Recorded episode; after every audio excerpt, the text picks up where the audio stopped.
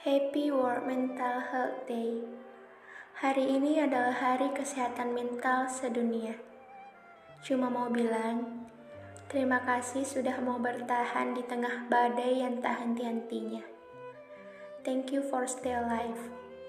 Terima kasih sudah kuat dan masih mau berjuang untuk tetap hidup, walaupun lagi capek, dipatahkan ekspektasi, dan dihancurkan oleh orang yang seharusnya menguatkan. Semua pengorbanan, semua air mata, semua luka di tangan, dan sakitnya kepala karena harus dibenturkan tiap hari.